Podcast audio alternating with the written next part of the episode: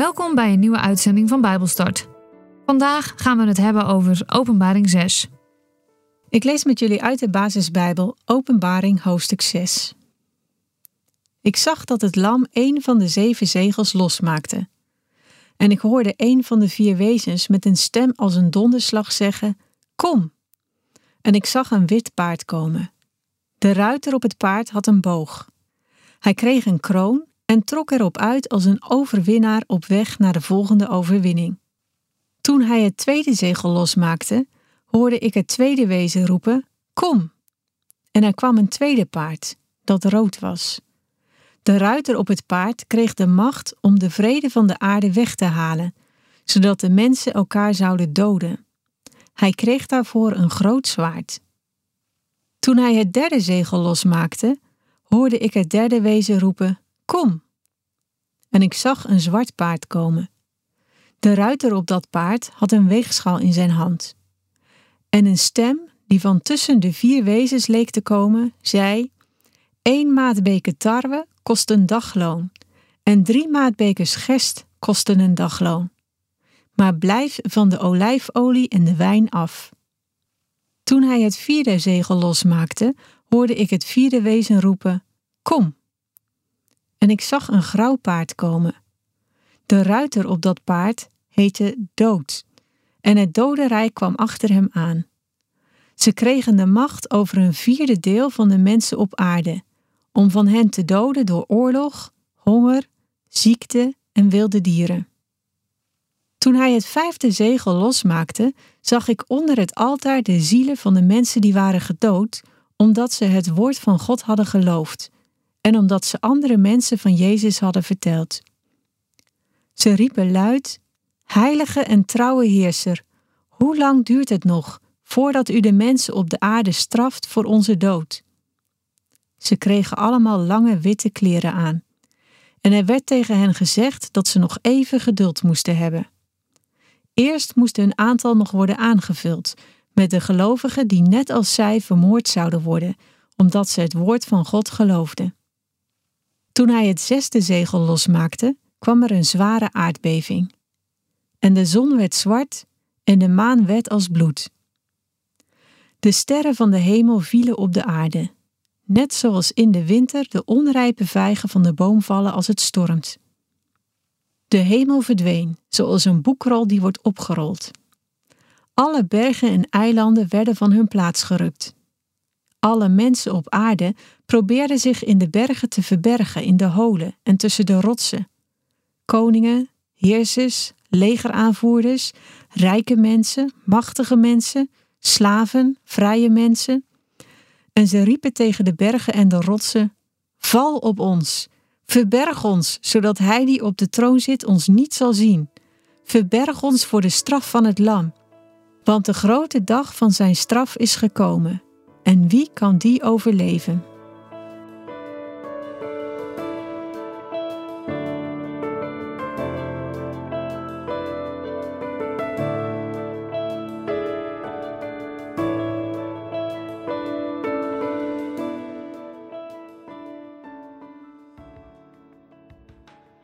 Het gaat beginnen.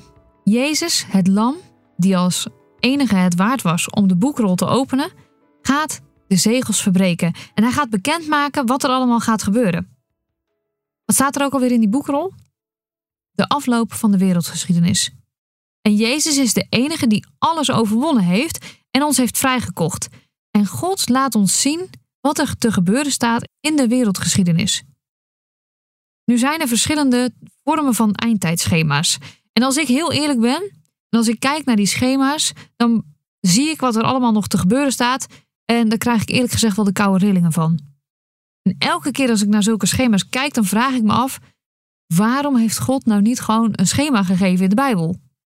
Waarom moeten wij teksten bij elkaar verzamelen en daar dan zelf een logische volgorde in maken? Het geeft behoorlijk wat verdeeldheid. De Bijbel geeft geen schema's. Dat wat de Bijbel openbaart is de waarheid in beelden die wij als gelovige mensen mogen proberen te begrijpen. Maar dat zal alleen gaan als wij voorzichtig zijn met onze uitspraken en altijd de Heilige Geest bidden om ons te helpen te begrijpen wat hier nu precies staat. En ik denk dat het woordje precies dan nog wel overbodig is, of onhaalbaar is vooral. Want ik ben bang dat we het nooit 100% zullen begrijpen wat hier staat. En toch hoop ik dat dat wat je erin leest elke keer weer bemoedigend zal zijn. Hoe eng en hoe abstract en chaotisch sommige dingen misschien ook over zullen komen. Jezus heeft overwonnen. Vergeet dat niet. We staan op het punt om te kijken wat er achter die zeven zegels verborgen ligt. En in dit hoofdstuk maakt het lam de eerste zes zegels los. Het verbreken van de zegels gaat vooraf aan de opening van de boekrol. En de boekrol bevat twee dingen. Aan de ene kant het koninkrijk van God en het verzamelen van alle heiligen in dat koninkrijk. En aan de andere kant de oordelen van God over de machten van het kwaad die Gods volk hebben onderdrukt. Het laat zien welke gewelddadige dingen de demonische machten tegen het volk van God zullen gebruiken. En daardoor geeft het ook een inkijkje in alle ellende en het lijden dat wij als Gods kinderen zullen kunnen gaan verduren tot het einde van de tijd, tot Jezus komt. Maar Jezus komt, dat is de belofte. Ja, er komt een bak ellende aan. Dat is eigenlijk niet een hele positieve opmerking, maar we weten het. En voordat God het laatste oordeel inzet, zullen er nog verschrikkelijke dingen gaan gebeuren. Maar uiteindelijk zal het een genadig doel dienen. En misschien vraag je je nu wel af, wat bedoel je daar nou mee? Nou, alle ellende zullen eraan bijdragen dat ook de meest verharde zondaren tot bekering komen, zodat zij niet verloren gaan op het moment van het laatste oordeel. En ik moet daarbij heel erg aan Jona denken. Jona vertelt aan Nineveh welke vreselijke dingen er gaan gebeuren als zij geen berouw krijgen en als zij niet gaan leven zoals God het wil. En het volk Nineveh realiseert zich dat ze zich moeten bekeren en krijgen oprechte berouw.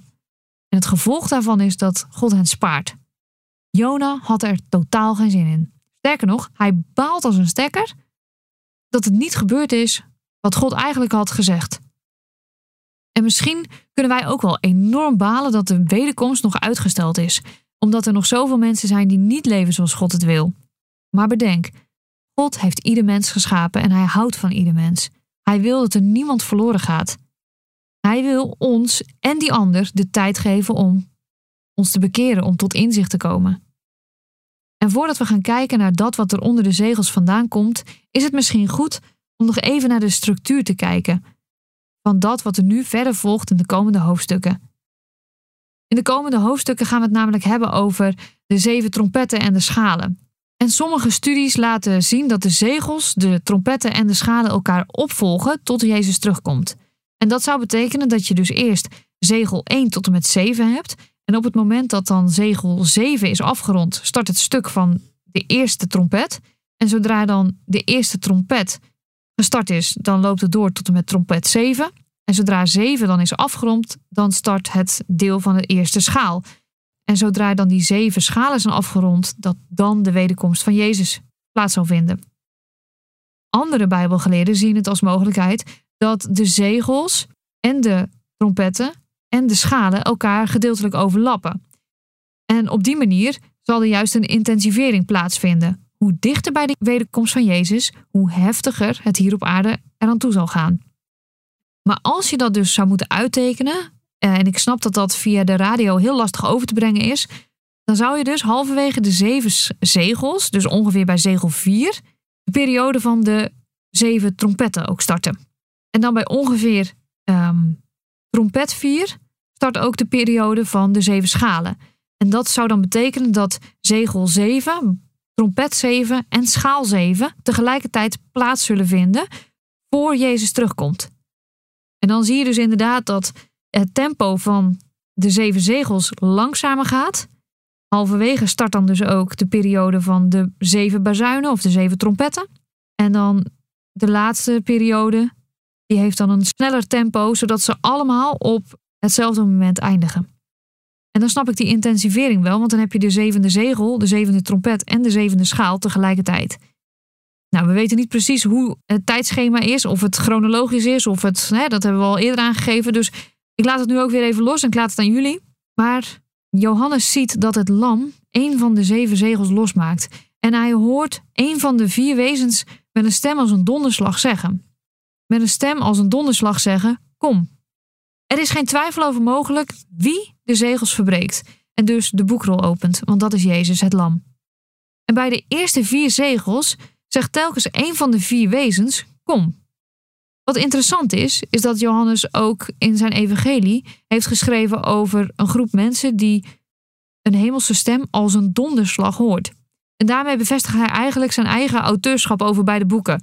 Um, hij gebruikt dezelfde woorden. Of hij dat nou wel of niet zo bedoeld heeft, het is wel grappig, want hij doet dat dus wel. Hij gebruikt dezelfde woorden, waardoor er een soort van overlap zit. En de wezens roepen de apocalyptische ruiters op. De wezens waar het over gaat zijn dus die vier wezens die bij de troon van God staan. En ze staan voor de schepping. En zij vragen die vier ruiters om de plagen over de schepping te gaan brengen. En misschien is het goed om in ons achterhoofd te houden dat Jezus op de Olijfberg heeft uitgelegd welke dingen er in de laatste tijd zullen gebeuren. In Matthäus 24, vers 4 tot en met 14 geeft hij namelijk antwoord op de vraag van de discipelen als zij de vraag stellen: Wat gaat er nog gebeuren? Wat is het teken van uw komst en wat is het teken van het einde van de wereld? En dit speelde zich allemaal nog af voordat Jezus gekruisigd was. Maar de discipelen wisten er dus al dat er nog een komst zou zijn. En dat dat het einde van de wereld zou betekenen en het begin zou zijn van Gods koninkrijk. Marcus 13 noemt het weeën. Vlak voor de bevalling heeft een vrouw weeën en die doen pijn. En dat is ook wat hier beschreven wordt: honger, ziekte, aardbeving, conflicten, oorlogen, vervolging tot de dood toe. Maar ook de verspreiding van het evangelie van het koninkrijk van God tot aan het einde van de wereld. Er komt iets positiefs. Na die heftige weeën komt er iets positiefs. Maar er volgt dus een korte periode van grote verdrukking. Een verdrukking die de aarde nog nooit heeft meegemaakt en die de aarde ook nooit meer mee zal maken. En tijdens die verdrukking is er, een, uh, is er sprake van een verschrikkelijke verwoesting op de heilige plaats en de antichrist aan de gang gaan. Nou, het is heel duidelijk dat voorafgaand aan Jezus' komst het een en ander zal gaan gebeuren. En daarom roept hij op: zorg dat niemand je misleidt of in de war brengt. Er zullen veel geestelijke verleiders komen. Die zullen zeggen dat zij de lang verwachte verlosser zijn. Er zullen mensen zijn die hebben uitgerekend wanneer Jezus precies komt. Er zullen mensen zijn die angst en verderf zaaien, omdat ze zich in hun boodschap alleen richten op alle ellende en niet op Jezus' overwinning. Maar houd je vast aan God. Niemand weet wanneer Jezus terugkomt. Maar dat hij komt, daar is geen twijfel over mogelijk. En het zal zo geweldig zijn dat de hele wereld haar ogen uitkijkt. Zodra de eerste zegel losgemaakt is, roept een van de vier wezens met een stem als een donderslag: Kom. En dan ziet Johannes het witte paard komen. De ruiter op het witte paard heeft een boog. Hij krijgt een kroon en hij vertrekt, net zoals een overwinnaar die op weg is, naar zijn volgende overwinning. Zodra de tweede zegel losgemaakt is, roept het tweede wezen: Kom. En er komt een paard dat rood is. En de ruiter op het paard krijgt de macht om de vrede van de aarde weg te halen zodat de mensen elkaar zullen doden. En daarvoor krijgt hij een groot zwaard. Zodra de derde zegel losgemaakt is, roept het derde wezen: Kom. En dan komt het zwarte paard. En het zwarte paard heeft een weegschaal in zijn hand. Als het vierde zegel losgemaakt is, roept het vierde wezen: Kom. En dan ziet Johannes een grauw paard komen. En de ruiter op dat paard heet Dood. En het dodenrijk komt erachteraan. En ze krijgen de macht over één vierde deel van de mensen op aarde. De achtergrond van de paarden en ruiters is ook terug te lezen in het boek Zacharias. Ook hij ziet vier wagens komen met rode, zwarte, witte en gevlekte paarden. En die komen uit de vier windstreken. Deze vier paarden zijn een voorbode van het laatste oordeel dat nog moet komen. Elk van de vier paarden heeft een andere kleur. Sommige mensen zeggen dat het paard van overwinning van Jezus is, het witte paard. Ze denken dat Jezus de bereider van het paard moet zijn, omdat Jezus later in Openbaring 19, vers 11 ook de overwinning tegemoet rijdt op een wit paard.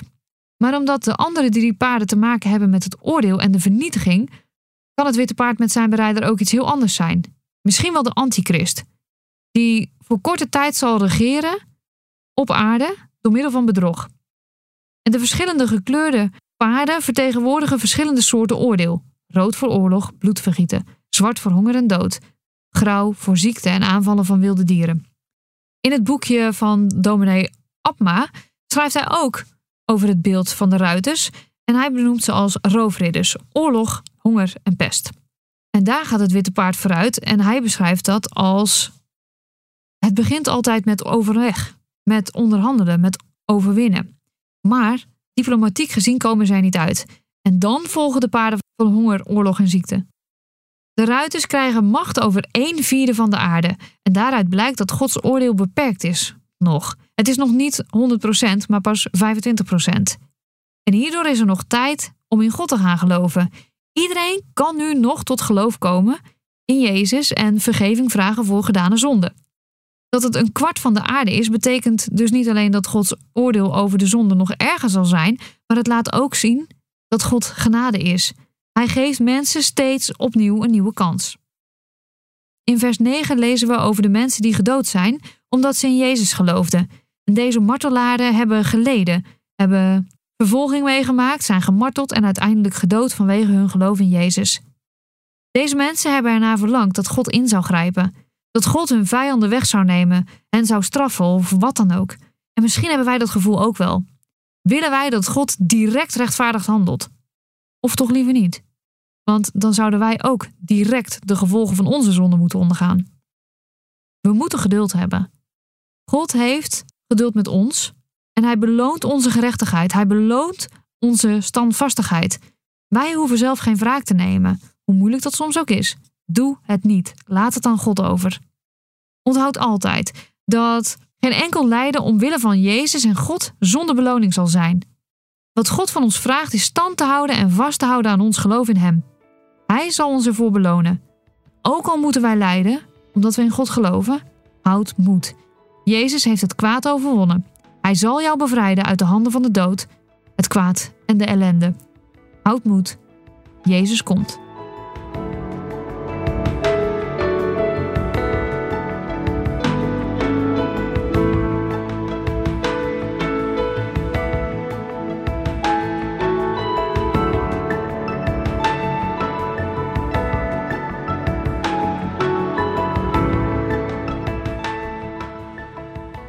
Dit was Bijbelstart, een programma van TWR. Het is gebaseerd op het Amerikaanse programma Through the Bible, ook wel TTB genoemd. En deze uitzending is een samenvatting van twee afleveringen. Wil je meer weten? Ga dan naar ttb.org of ga naar twr.nl/bijbelstart.